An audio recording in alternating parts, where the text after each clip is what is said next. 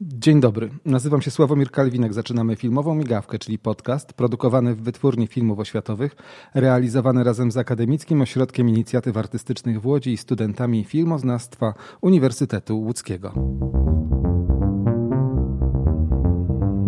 To jest podcast WFO. Autor kilkudziesięciu filmów dokumentalnych o sztuce i literaturze współczesnej, filmów z dziedziny historii najnowszej i współczesnych problemach, profesor PWSF TVIT, czyli Szkoły Filmowej w Łodzi oraz Laboratorium Reportażu Instytutu Dziennikarstwa Uniwersytetu Warszawskiego. Naszym gościem jest dziś profesor Andrzej Sapija. To jest podcast WFO. Dzień dobry Andrzeju. Dzień dobry, witam. Zajmujesz się zawodowo filmem dokumentalnym. Znamy się ze Szkoły Filmowej w Łodzi, gdzie prowadzisz zajęcia ze studentami, uczysz ich reżyserii filmu dokumentalnego. Dlaczego dzisiaj tutaj się spotkaliśmy? Dlaczego widzę Cię w archiwum Wytwórni Filmów Oświatowych w Łodzi? Dlatego, że rozpocząłem dosyć poważną kwerendę dotyczącą y, dokumentów pisanych, czyli tekstów, które są niezbędne do tego, żeby prawidłowo przygotować film dokumentalny.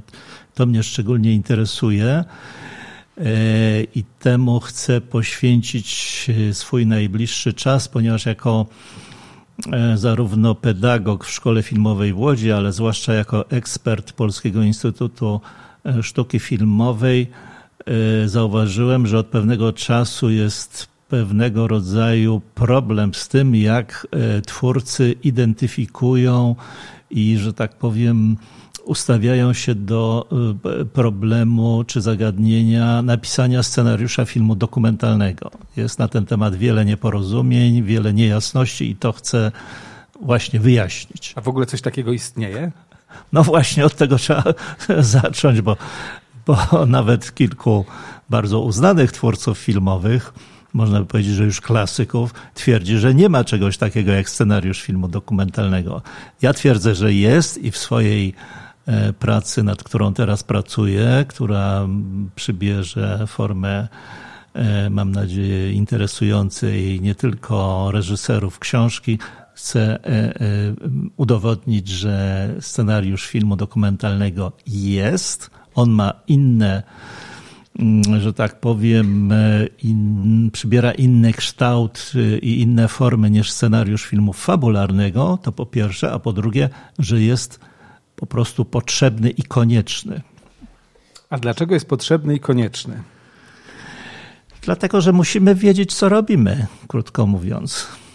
Przed chwileczką tutaj muszę zdradzić taką tajemnicę. Wszedłem do, do pokoju, w którym pracujesz i pokazałeś mi sam pracę, o których istnieniu nawet ja się nie, nie domyślałem się tego, że one mogą być. Okazuje się, że nawet ci najbardziej, że tak powiem, twórczy i zupełnie nieokiełznani y, filmowcy y, jednak robili te te scenariusze, pisali to i mało tego, nawet tam widziałem, że są adnotacje dopuszczające do produkcji konkretne filmy, o których krążą legendy, że nigdy nie miały scenariuszy. Tak, to jest, to jest niezmiernie dla mnie fascynujące i ciekawe, bo, bo badam teczki no już tych y, twórców znanych i uznanych, y, już właściwie będący historią naszej kinematografii. I muszę stwierdzić, że rzeczywiście e, te scenariusze, niezależnie od tego, jaką przybierały formę w sensie takiej powiedzmy typografii, no jednak były bardzo dobrze opracowane i na przykład osobną, osobną umową, którą się podpisywało i która była osobno honorowana, to na przykład była umowa dotycząca dokumentacji czyli że scenariusz zawsze powstawał po dokumentacji, czyli stworzono pewien system, który jakby generował taką prawidłową, e, prawidłowy mechanizm pracy nad projektem filmu dokumentalnego. I ja chcę go opisać, żeby współczesnym twórcom mm, jak gdyby pokazać, jak to kiedyś wyglądało i jak moim zdaniem to powinno wyglądać, bo w tej chwili no, w bardzo krótkim zakresie ta moja diagnoza dotycząca tych problemów z tym scenariuszem filmu dokumentalnego obecnie bierze się e, głównie z tego, że e, nastąpiła rewolucja w zakresie środków realizacji, czyli że mamy te właściwie indywidualne kamerki filmowe, na przykład w postaci nawet telefonów, aplikacji w telefonach komórkowych, które trzymają standard HD, czyli właściwie profesjonalny. Możemy tymi urządzeniami robić zdjęcia filmowe i to daje nam pewne poczucie takiej wolności i pewnej beztroski, że możemy na przykład y, zrobić powiedzmy 100 godzin czy 200 godzin jakiegoś materiału filmowego i później coś z tego wymontować. No tak się nie, y, moim zdaniem to jest jakby nieprawidłowe. Ja tutaj przepraszam Państwa, bo słyszymy w tle y, maszyny, które pracują. Jesteśmy w wytwórni filmów, która pracuje, a w związku z tym na przykład kserokopiarka obok nas również. Ale wróćmy jeszcze do tego tematu, który poruszamy, czyli e, dokumentacji związanej z powstaniem filmów dokumentalnych, których tutaj powstało w wytwórni bardzo dużo, bo mówi się o pięciu tysiącach, z czego do, dostępnych jest 4,5 e, tysiąca mniej więcej. To oznacza, że istnieje pewnego rodzaju system. System, który w pewnym sensie w tej chwili jest zarzucony, prawda? Bo to nie chodzi tylko o to, jak się wymyśla filmy, jak się pisze scenariusze, kieruje do pewne, pewnymi działaniami ludźmi, ludzi, ale też kieruje się pieniędzmi, przepływem pieniędzmi. No nie, bójmy się, nie bójmy się tego powiedzieć. Chyba też o to tutaj chodzi.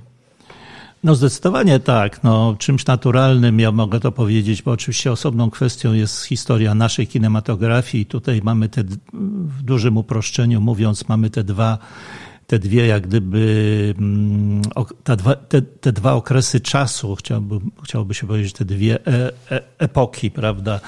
Ta epoka pierwsza, czyli czyli czasy PRL-u, kiedy ta kinematografia się y, tworzyła, budowała i przez dziesięciolecia funkcjonowała, i później nastąpiła ten nowy czas y, już po PRL-u, gdzie jest, y, gdzie jakby funkcjonują troszkę inne mechanizmy ale niezależnie od tego warto na przykład zwrócić uwagę na to, że w kinematografii zachodniej, powiedzmy nawet amerykańskiej, takiej czołowej, no tam e, fakt e,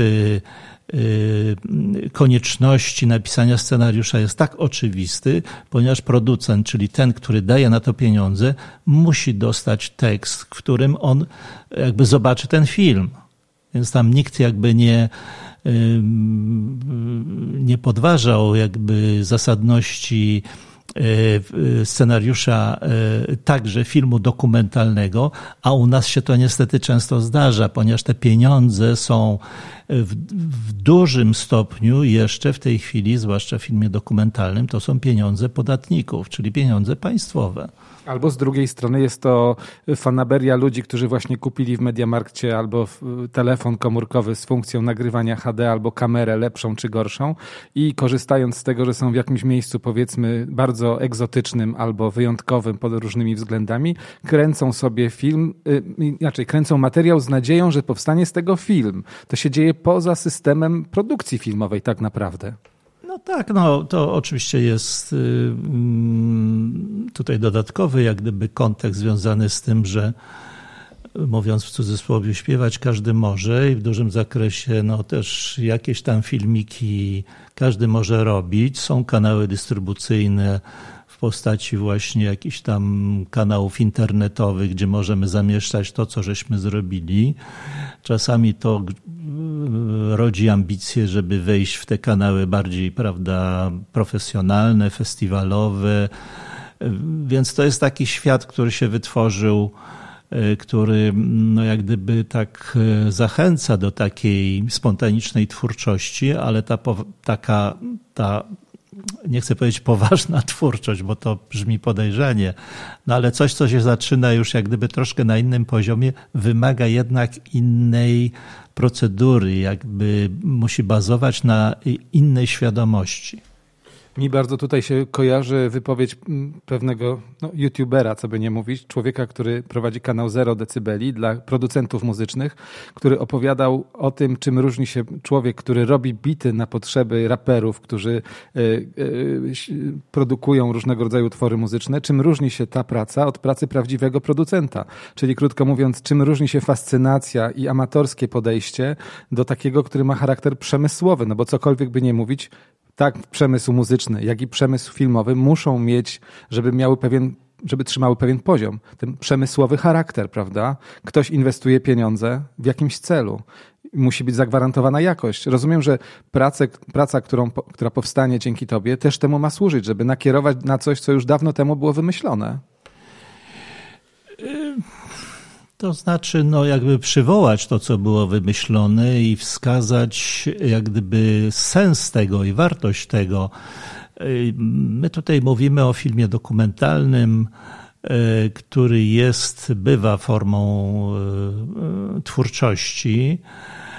Nie ma takiego charakteru, powiedziałbym, masowego, chociaż jakby się ktoś uparł, można byłoby powiedzieć, że ta sztuka, w cudzysłowie, dokum, w cudzysłowie sztuka dokumentu, czyli różnego rodzaju formy dokumentalne rzeczywiście e, występują w takim odbiorze masowym, na przykład poprzez jakieś takie kanały telewizyjne, specjalistyczne, które właśnie pokazują takie nie wiem, reportaże, jakieś takie mm, doku-soapy, jakieś no takie formy hybrydowe, czy też właśnie w głównej mierze w, w internecie, a, a ja myślę o takiej twórczości dokumentalnej, która ma taki charakter bardziej świadomie artystyczny i twórczy, która, czyli poważniejszy, która jest jakąś formą artystycznej refleksji na temat rzeczywistości, tego, co się dzieje człowieka w tej rzeczywistości itd. Tak itd. Tak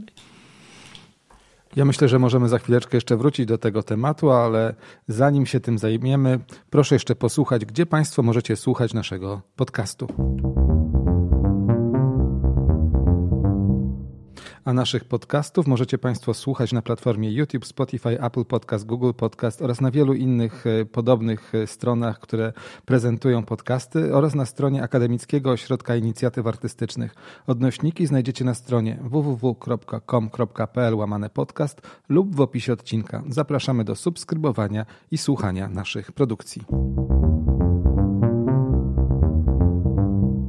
A my wracamy do naszego gościa, którym jest dziś pan profesor Andrzej Sapija, e, reżyser filmów dokumentalnych, e, również wykładowca między innymi ze Szkoły Filmowej w Łodzi, również e, prodziekan Wydziału Reżyserii oraz kierownik Katedry Dokumentu, więc naszym tematem jest dzisiaj to, w jaki sposób pisać scenariusze filmów dokumentalnych i jak można się tego nauczyć w pewien sposób albo powrócić do tej wiedzy, analizując to, co znajduje się w archiwum Wytwórni Filmów Oświatowych. Jak ci się pracuje tutaj, Andrzeju? E, pracuje się bardzo dobrze. Mam tutaj takiego dużego rodzaju pomoc, wsparcie. Tak nawet zauważyłem, że, że jak mówię o powodach, dla których tu jestem, to wzbudza to nawet pewnego rodzaju emocje.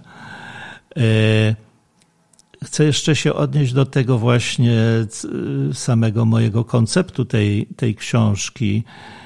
Yy, bo mam nadzieję, znaczy pierwsza rzecz w ogóle, dlaczego ja o tym pomyślałem, bo yy, o ile mamy wiele takich książek, yy, które dotyczą tego, jak napisać scenariusz filmu fabularnego i czym jest scenariusz filmu fabularnego, to stwierdziłem, że właściwie nie ma żadnej książki, poświęconej temu właśnie, nie wiem, opatrzonej tytułem Jak napisać scenariusz filmu dokumentalnego. Być może właśnie dlatego, że istnieje tutaj w punkcie wyjścia takie pewnego rodzaju dezorientacja i różnego rodzaju stanowiska, e, które można e, streścić w tej opcji skrajnej, na przykład tak, że bardzo często słyszy się, no nie mogę napisać scenariusza filmu e, dokumentalnego, bo nie wiem, co zrobi mój bohater, nie wiem, co on powie, nie wiem, co się wydarzy, więc podążam za bohaterem, jestem otwarty.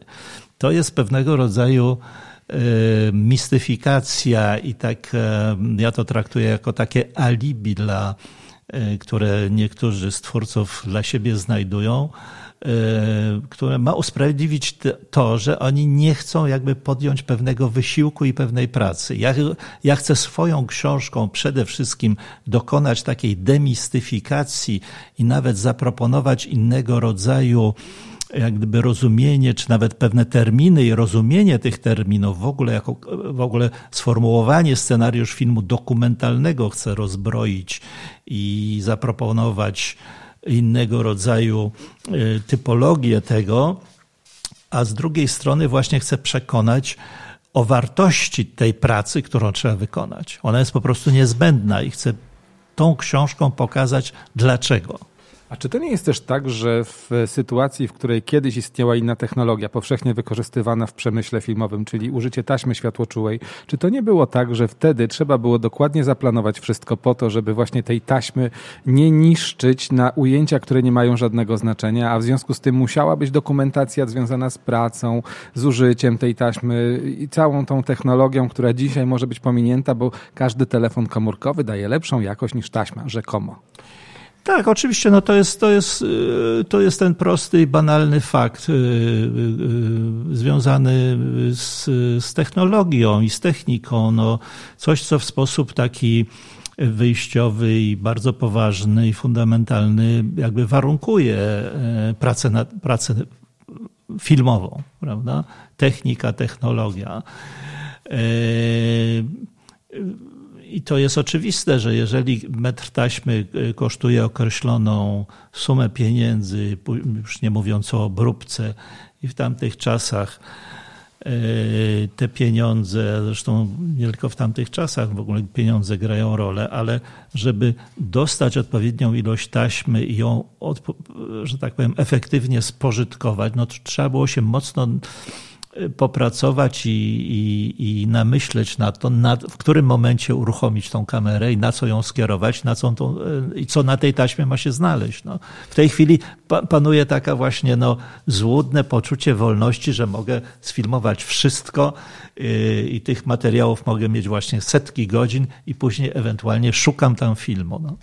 Ja się tutaj odwołam do doświadczeń, które no, zbieramy na każdym kroku w szkole filmowej w Łodzi, chociażby na pierwszym roku, gdzie ja akurat prowadzę również zajęcia, gdzie się okazuje, że są dwie metody robienia filmu dokumentalnego. Jedna to jest taka, która bazuje na technologii cyfrowej, a druga na technologii taśmy światłoczułej.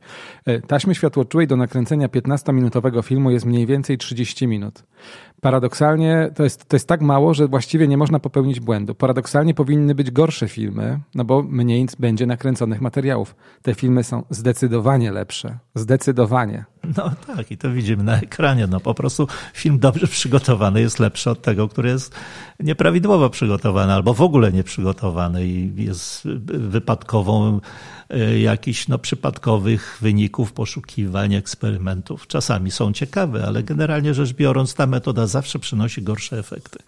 Czy tutaj wertując nasze przepastne archiwa coś cię zaskoczyło? Czy możesz podzielić się jakąś, jakimś małym epizodzikiem? Ach, to no, w ogóle archiwum same w sobie są taką e, dla mnie fascynującą zawsze mm, materią, obszarem, nie wiem jak to nazwać.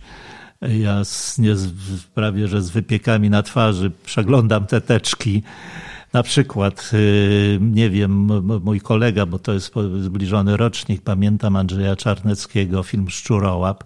Nagle y, się y, przeczytałem, że tam zakupiono 50 szczurów do tresury, które były traktowane jako statyści w tym filmie, na przykład. A kto nie zna tego filmu, niech zobaczy, co ci statyści robili, bo to jest też bardzo ciekawe. Dzisiaj niemożliwe do powtórzenia, moim zdaniem, a film wyjątkowy, pokazujący w jaki sposób steruje się społeczeństwem. Na przykładzie właśnie rzeczonego szczurołapa, który jest demiurgiem, nie wiem, politykiem, metaforą polityka. Dokładnie tak. No chociażby, nie wiem, y, y, pewnego, można powiedzieć, prehistoria, film Wojciecha Hasa, Y, o zbieraczach ziół, który miał cztery wersje scenariuszowe kilkunastostronicowe opinie różnych konsultantów, którzy analizowali każde słowo, jakie pada w tym filmie i każde, każdy obraz. Także to są takie niezwykłe dla mnie odkrycia. Fascynujący świat. Y, I, i doszedłem do wniosku, że w pewnych w pewnych y, przypadkach można byłoby zrobić niezmiernie ciekawe filmy w ogóle o historii powstawania niektórych filmów. Może warto by było też powiedzieć, e, czym są teczki, o których tutaj opowiadamy, bo nie powiedzieliśmy tego jeszcze, że oprócz tego, że w archiwum znajdują się materiały filmowe, które są gotowymi filmami, to znaczy takie film, te, to, co jest efektem pracy całej ekipy filmowej, to jeszcze jest dokumentacja, która towarzyszy tym filmom. Jak, jak ta dokumentacja powstawała? Jak mógłbyś to opisać? Pytasz o, o odniesienie no tak, żebyśmy, żebyśmy krótko mówiąc wytłumaczyli. Co się znajduje w teczce? Tak, co, co się znajduje w teczce? w teczce? No, w teczce znajdują się najróżniejsze dokumenty, dokumenty, e, począwszy od umów, e, pism urzędowych, pierwszy szkiców scenariusza, opinii różnego rodzaju konsultantów, nie wiem, kosztów produkcji. No, bardzo to jest bogate i bardzo, bardzo zróżnicowana materia tych, tych teczek, ale to są wszystko te rzeczy y, takie, no, które są pisane. To jest ta, ta materia pisana, która dotyczy, do, dotyczy filmu. Przejdźmy do tego, kiedy będzie można zapoznać się z efektami Twojej pracy, kiedy powstanie ta publikacja. E, no, ja jestem, e, cała moja praca taka przede wszystkim e, w tej chwili myślowa i dokumentacyjna trwa już no, z trzeci rok. Myślę, że jestem gdzieś w, na półmetku, czyli jest to kwestia, myślę, jakichś najbliższych dwóch lat jeszcze Powoli kończę dokumentację, już y, gromadzę notatki, mam strukturę tej książki i coraz bardziej, im głębiej w to wchodzę, tym bardziej jestem tym podekscytowany i zafascynowany, co moim zdaniem dobrze wróży. E, my też życzymy z całego serca, żeby ta publikacja miała bardzo dobry kształt i żeby też miała duże znaczenie dla środowiska filmowego, bo wiemy sami, że tego typu praca jest bardzo potrzebna. E, dziękuję Ci bardzo za spotkanie. To ja bardzo dziękuję, pozdrawiam. To był podcast Filmowa Migawka. A my żegnamy się już. Przypominam Państwu, że słuchaliście filmowej migawki, która jest serią podcastów. Nie tylko to są rozmowy z twórcami związanymi z wytwórnią filmów oświatowych, znanymi w, znanymi w Polsce i na świecie reżyserami, operatorami oraz innymi osobami związanymi z branżą filmową. Są to również spotkania ze studentami szkół filmowych, młodymi artystami, którzy dopiero wchodzą w świat wielkiej kinematografii. Jesteśmy również obecni na festiwalach filmowych, poznajemy też edukatorów filmowych i zapraszam na kolejny podcast Filmowa Migawka już za tydzień. Do usłyszenia. To był podcast Filmowa Migawka.